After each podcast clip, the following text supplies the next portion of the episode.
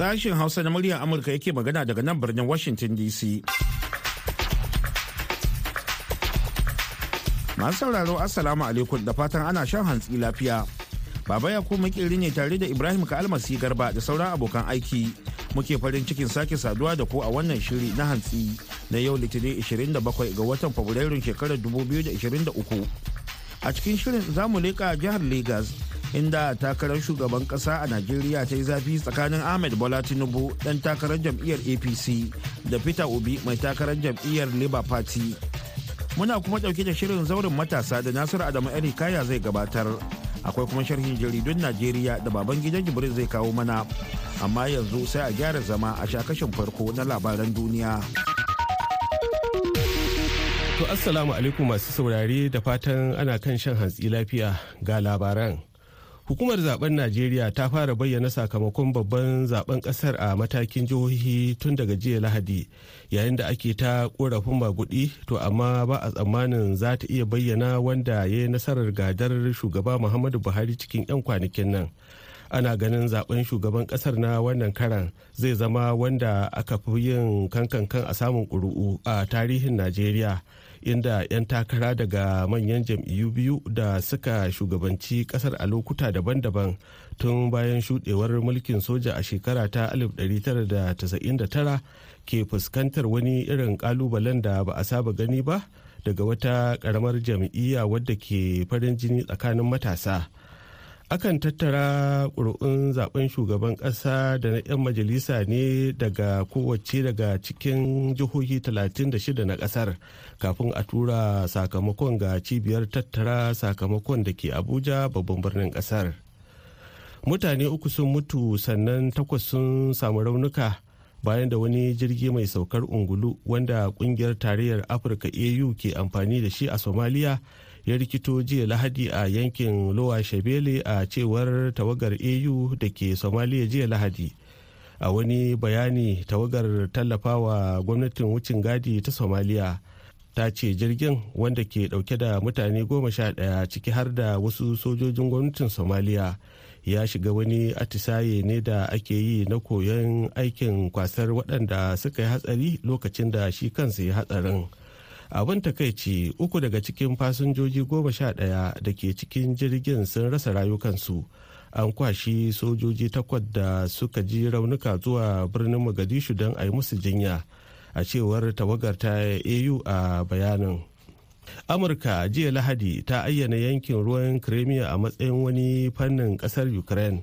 To amma ta ce abin da aka fi damuwa a kai shine yadda sojojin ukraine za su sake kwato yankunan da ƙasar rasha ta ƙwace a yaƙin da aka kwashe shekara guda ana yi. Wannan kalaman na zuwa ne a yayin zagayowar shekara ta tara da rasha ta haɗe yankin. Amurka bata amince da ikirarin rasha na haɗe yankin ruwan crimea ba kuma ba za ta taɓa yi ba. Crimea yankin ukraine ne. A cewar ma'aikatar harkokin wajen amurka a wani bayani a lokaci guda kuma jack sullivan mai bayar da shawara kan harkokin tsaron ƙasa na gwamnatin joe biden ya gaya ma shirin meet the press na nbc cewa ukraine ce za ta iya yanke shawara kan ko mecece nasara ko kuma irin shiga tsakani a diplomasiyance da za ta iya amincewa da shi duk da cewa dai babu wata tattaunawar zaman lafiya da ake yi a halin yanzu. To karfa a sha'afa ana shan labaran ne daga sashen hausa na muryar Amurka a nan birnin Washington DC.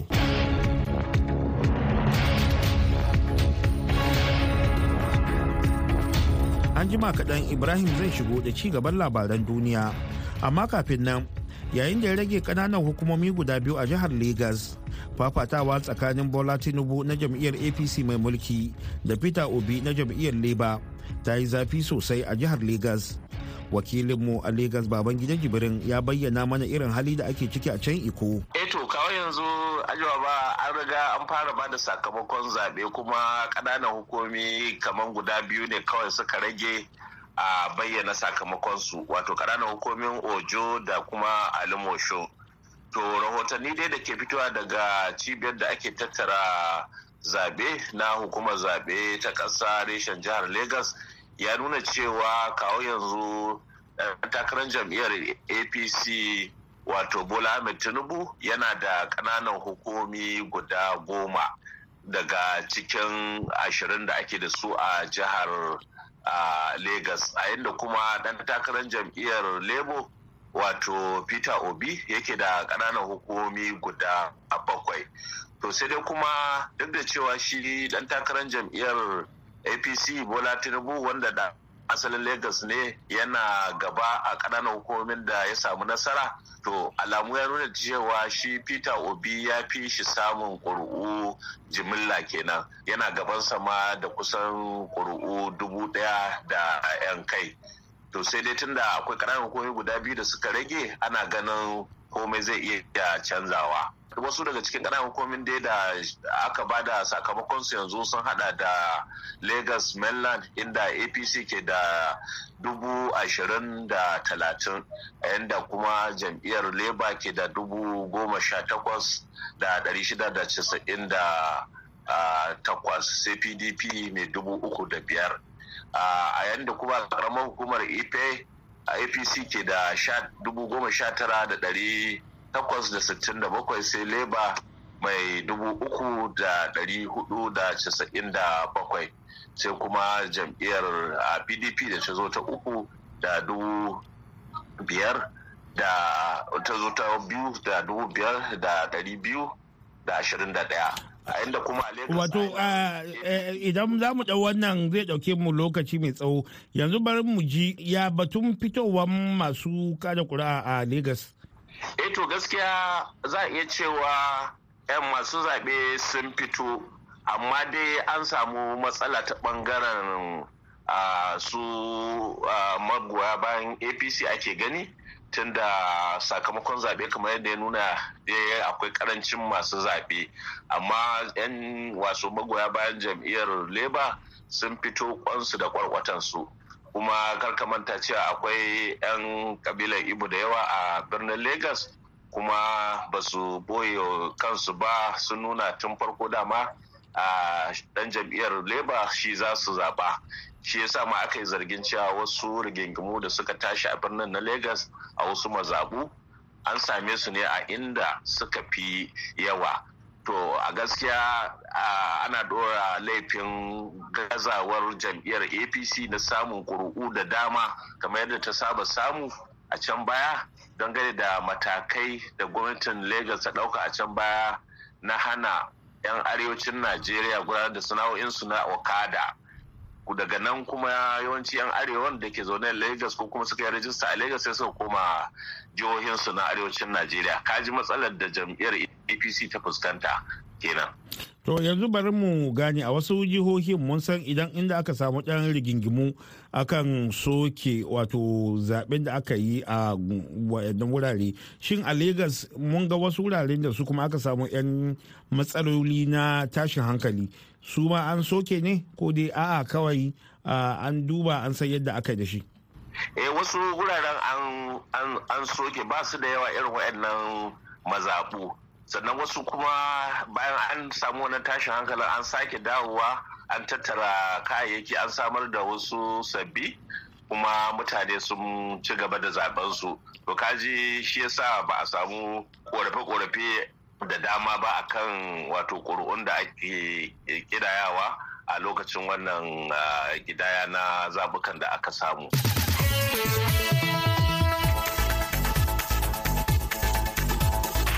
Tuma da lagai da baban gidan jibirin ana tare ne da sashen hausa na murya amurka a birnin washington dc kai tsaye.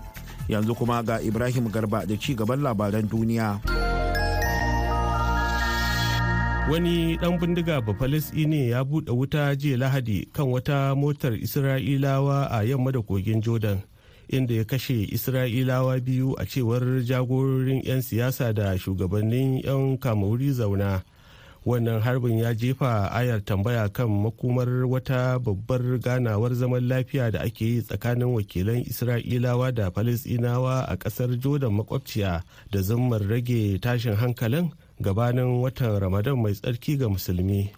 Wannan harbin ya faru ne 'yan kwanaki bayan wani mummunan samaman da sojojin isra'ila suka kai a wani birnin falasɗinawa da ke kusa suka kashe mutane goma.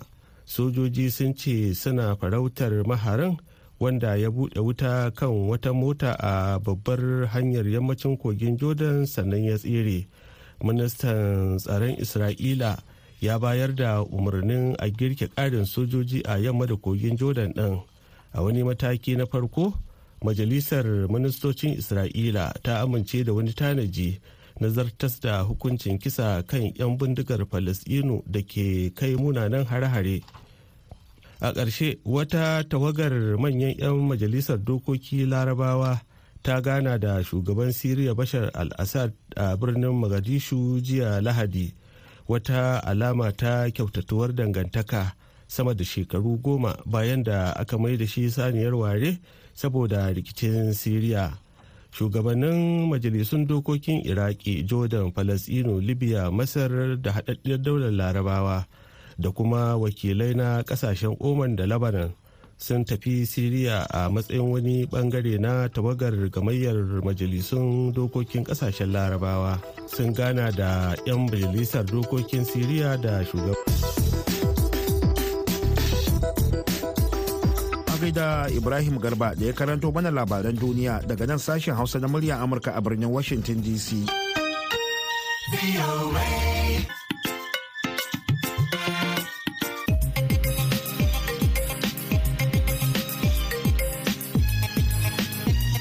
To madalla, kafin mu ci gaba sai a shakata da wannan waƙar. Haɗa kai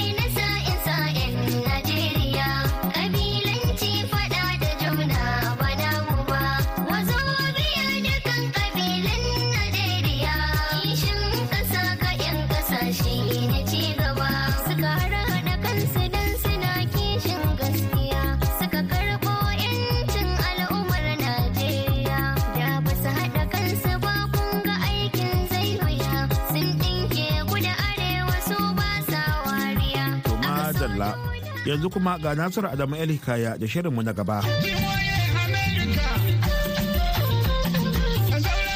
Zauren matasa. Masu sauraro barkamu da dawa sabon shirin zauren matasa na VOA da ke taɓa abubuwan da ke cewa matasan tuwa ƙwarya da hanyoyin da za a magance kalubalen. Da ya haɗa da yaƙi da jahilci, shan miyagun ƙwayoyi, bangar siyasa, har ma da masu shiga satar mutane. A sabon shirin zauren matasa na VOA da har ila ya zauna ofishin muryar Amurka na Abuja, matasa sun cika zauren makil kuma kamar yadda muka bayyana da sanya bakin uwaye biyu Mama Balaraba da Hajiya Asabe mai zani. Sai sambo jibirin samboja da adamawa nura muktar kanya habibu isa kabiru idris ibrahim ezi kuswa ya'u yakubu yobe adamu ibrahim yana adamu giya ɗaya ana sani kafinta da yasira yusuf. Matasan maza da mata na ci gaba da duba bakin zaren warware kalubalen tsaro.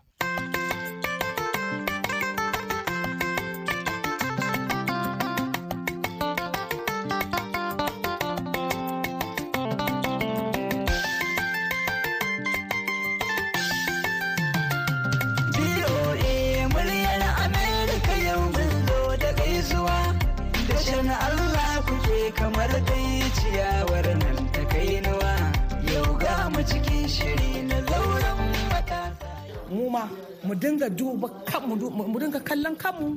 Mu ma kanmu masu laifi ne tari tari. Ya Allah ka ba mu zaman lafiya da kwanciyar hankali cikin wannan ƙasa namu Najeriya. Ya Allah ka tausaya mana. Ya Allah ka tausaya mana. Ya Allah ka tausaya mana. Ya Allah ka kawo mana ƙarshen wannan bala'i jaza'i da muke ciki a wannan ƙasa namu Najeriya. Assalamu alaikum. Wasira ina ga ko daga kanki ne ma za mu daga kanki kamata mu rufe ko? Ina ga kamar mun gama. Eh.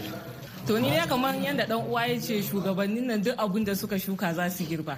Za su girba ai ba a duniya za su girba ba saboda suna da ƙarfin fada a ji. Sai sun je can za su tantance. Allah ya shirye su. Da mu gaba. a na ga da da na daga hannu kuma Suna da magana. To abun da ke faruwa ƙasa magana nake sun faɗa abun da ya shafi daga abun da ya shafi rashin tsaro da kuma poverty talauci. Wannan abun ni a wajena deliberately da gangan ne suka kirkiro shi. Aka kama na rashin aikin yi da talauci da kuma rashin tsaro.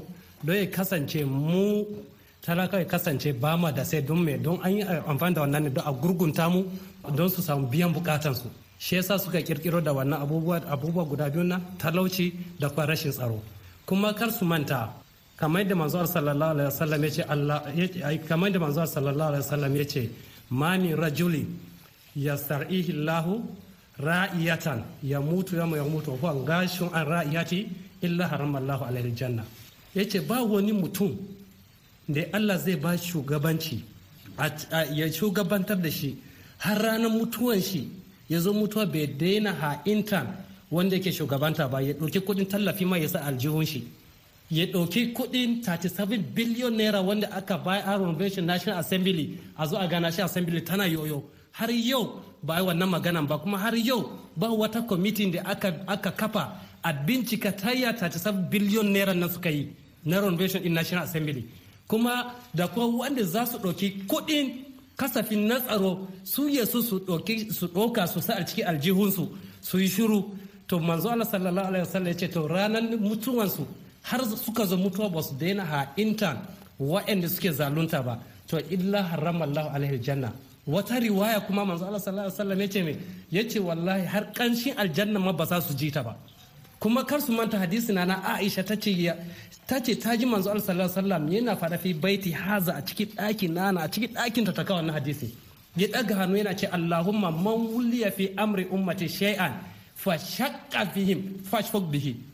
Sai ce man wuliya fi amri ummati shay'an farfaqa bi farfaq bihi ya ce ya Allah duk wanda ka ba shugabanci a cikin al'umma nana ya tsananta musu.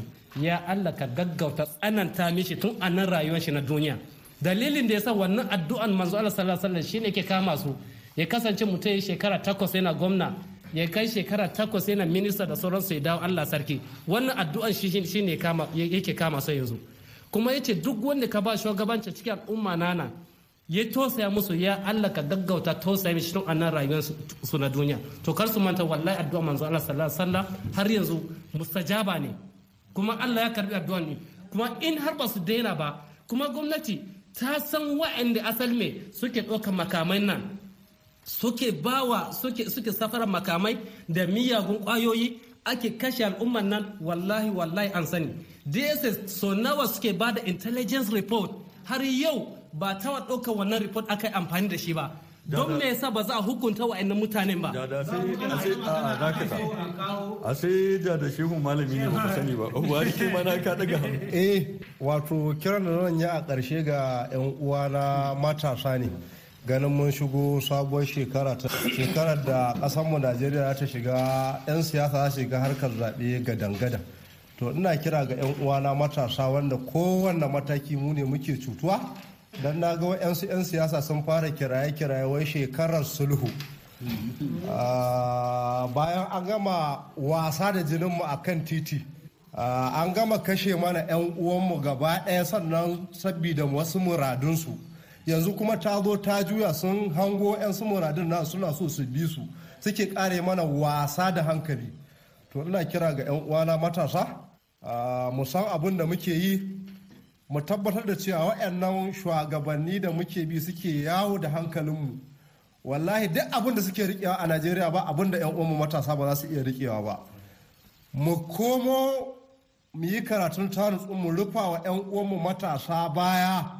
In dai muna so mu ga ƙasar nan tamu ta samu lafiya da nasara a cikin shugabanci wallahi sai waɗannan tsofaffin sun koma gefe. Mutukar muka ce wai su za mu dinga bi wallahi tallahi ba abin da za su inda mu in ba su dinga wasa da jinin mu akan kwalta ba. Buhari nusa kuma da ai ana kai ka manta maganar da tsohon zuma kan yi magani ne shi yasa. Adamu bura fataskun kai ma ka shigo wannan zauren. Ko kana da wataƙila abun cewa ne don muna nema mu karkare mu rufe sai kuma wani lokacin. To a'udhu billahi minash shaitanir rajim. Bismillahir rahmanir rahim. Wato farkon wannan abin duk wannan magana a ce kaza a ce kaza a ce kaza laihu ne. Lokacin da aka zo 2015 muna addu'ar cewa ba Allah ubangiji ya kawo Buhari shine mafita. Abin da muka ringa kenan muka manta da Allah. In ya zo shi zai fidda mu. Sai Allah kuma ya nuna mana cewa bari ya bashi. In ya bashi din in ya bashi din sai shi din kuma ya mana. Aka zo kuma Allah to amma abun abun abun takaici da bakin ciki shine Buhari mutane da yawa suna cewa mutum ne mai gaskiya tun muna yara da mulkin sa na farko. Aka zo aka zo tu- tun daga 2003 da ya zo yake neman takara har Allah ya zo 2015 don kawar da PDP saboda irin wannan rikice-rikicen aka yi mai aka kawo shugaban kasa. Amma babu yadda za a yi kana shugabanci ba za ka ringa bin bayan me ake yi ba. Wannan ba zai taɓa yiwa ba. To matasa ya zama dole su tashi su tsaya mu matasa mu karɓi incinmu ko da ƙarfi ko da tsiya ko da tsiya tsiya. Dan ba daidai ba ne gaskiya ne. Wannan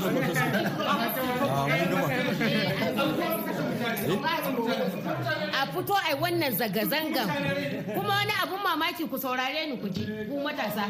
Ni yanzu abin da yake ban mamaki kuna ji? Wai wayannan tsofaffin gwamnoni da tso- da tsofaffin gwamnoni da suke fito yanzu suke buga posta wai suna neman shugabancin kasa wai dan Allah babu sauran matasa ne a Najeriya? Ni na tambayan ku matasa ba wannan shi wanda zai iya karatu ya hau shugabancin kasa ne sai tsofaffin kuraye. Ba ma san tsofaffin kuraye ba ma san tsofaffin kuraye. Muna neman matasa. Najeriya wani abin arziki suna matasa suka yi. Eh? Yakubu ga wani yana shekara nawa? Eh? Ai yayi rawar gani da nan Ibrahim da masu baban gida ina dan shekara nawa yayi. Yayi rawar gani to iri-irin wayannan tsofaffin da muke bin su wanda ya kamata a ce mun yi karatun taruku. Yanzu ga shugaban matasan jam'iyyar PDP ne shekararsa 28 yanzu kazar-kazar ɗin da yake ai ya nuna wa duniya cewa 26 ne ma To ya nuna wa duniya cewa ba ko kujerar shugaba Muhammadu Buhari aka bashi yanzu za a samu canji ɗari bisa ɗari fiye da yadda wannan abu yake ciki. To ta yaya za a gwada? A sauraro har ila yau a nan za mu dakatar da wannan shirin. Matasa ku biyo makon gobe domin sabon shirin. A madadin muryar amurka ni nasiru adamu el hikaya da na shirya kuma na gabatar da shirin ke cewa mu zama lafiya. Wassalamu alaikum.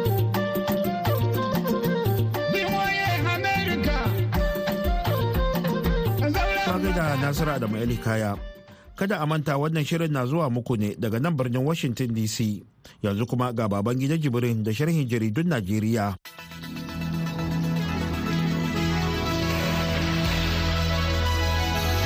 Fara sharhin jaridun ne da jaridar Vanguard ɗaya daga cikin manyan labaran jaridar Vanguard na cewa yanzu aka dai hukumar zaɓe a tarayyar Najeriya bayan kammala zaɓen da aka gudanar na shugaban kasa da na 'yan majalisu a ranar Asabar ta fara bayyana sakamakon zaɓen a dandamalinta na yanar gizo. Jaridar da Vanguard ta yi bayanin cewa ko da yake an daga zabukan a wasu yankuna da yawan su ya kai 141 na mazabu a jihar Bayelsa da kuma tashin hankali da ya faru a jihar Lagos a wasu mazabun to hakan bai hana hukumar zaɓen ci gaba da bayyana sakamakon zaɓen da ta fara samu ba. Sai kuma jaridar da punch ɗaya daga cikin manyan labaran jaridar da punch na cewa yanzu haka ma'aikatar harkokin cikin gidan najeriya tare da haɗin gwiwar ƙasar amurka ta amince ta ba da biza ga 'yan ƙasar ta amurka na shekaru biyar. Wannan mataki dai zai taimaka wajen ƙara dangantaka tsakanin najeriya da kuma ƙasar amurka. Musamman ma dai ta fuskar ziyarce-ziyarce a tsakanin 'yan ƙasar guda biyu.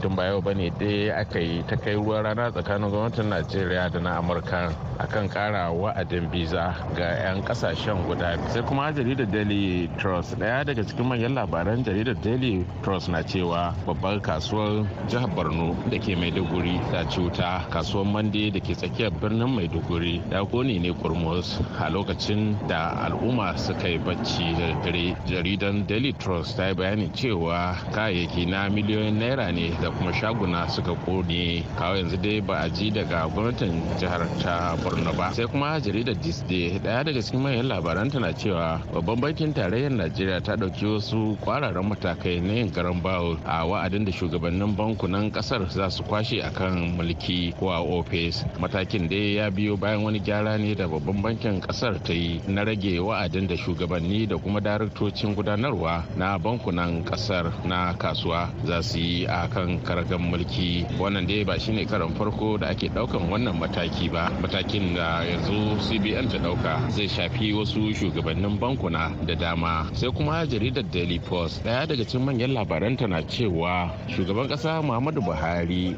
ya bayyana dalilinsa na nuna wa al'ummar kasa wanda ya zaba bayan ya yi zaɓen shugaban kasa da na 'yan majalisu a mahaifarsa da ke daura. Shugaba muhammadu buhari ya bayyana cewa ya ɗauki matakin ne na nuna ƙuri'a ga 'yan najeriya domin su san wanda ya zaba su kuma kawo ƙarshen zargin da ake masa cewa baya goyon bayan asuwaju bola ahmed tinubu na jam'iyyarsa ta apc tuni dai shugaba muhammadu buhari ya kira ga 'yan takarkarin a wannan zaɓe da aka gudanar da su kasance masu bin doka da oda su kuma amince da sakamakon zaɓen da za a fitar ƙarshen sharhin jaridun kenan.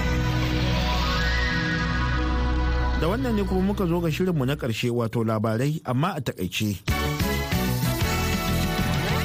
Hukumar zaɓen Najeriya ta fara bayyana sakamakon babban zaɓen ƙasar a matakin jihohi tun daga jiya Lahadi yayin da ake ta korafin magudi to amma ba a tsammanin za ta iya bayyana wanda ya yi nasarar gadar shugaba Muhammadu Buhari cikin 'yan kwanakin nan.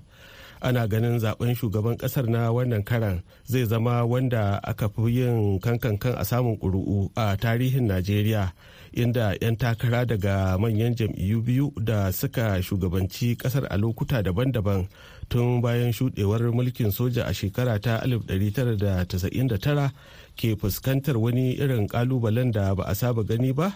Daga wata ƙaramar jam'iyya wadda ke farin jini tsakanin matasa. mutane uku sun mutu sannan takwas sun samu raunuka bayan da wani jirgi mai saukar ungulu wanda ƙungiyar tarayyar afirka au ke amfani da shi a somaliya ya rikito jiya lahadi a yankin lowa shebele a cewar tawagar au da ke somaliya jiya lahadi a wani bayani tawagar tallafawa gwamnatin wucin gadi ta somaliya ta ce jirgin wanda ke ɗauke da mutane goma sha ɗaya ciki har da wasu sojojin gwamnatin somaliya ya shiga wani atisaye ne da ake yi na koyon aikin kwasar waɗanda suka yi hatsari lokacin da shi kansa ya hatsarin. Amurka jiya lahadi ta ayyana yankin ruwan crimea a matsayin wani fannin ƙasar ukraine. To amma ta ce abin da aka fi damuwa a kai shine yadda sojojin ukraine za su sake kwato yankunan da ƙasar rasha ta ƙwace a yaƙin da aka kwashe shekara guda ana yi wannan kalaman na zuwa ne a yayin zagayowar shekara ta tara da rasha ta haɗe yankin To ba sauraro da haka muka kawo ƙarshen shirinmu na wannan hantsin. Idan Allah ya kai mu a shirinmu na la'asariya za ku ji wasu abokan aikinmu ɗauke da wani sabon shiri. Yanzu a madadin Ibrahim ka almasi garba da ya taya ni gabatar da shirin da Solomon Abu da ya haɗa ya kuma ba da umarni da ma injiniyanmu na wannan hantsin Mr. Carl. Baba Yakubu makeri ne nake muku fatan alheri daga nan birnin Washington DC. Wassalam.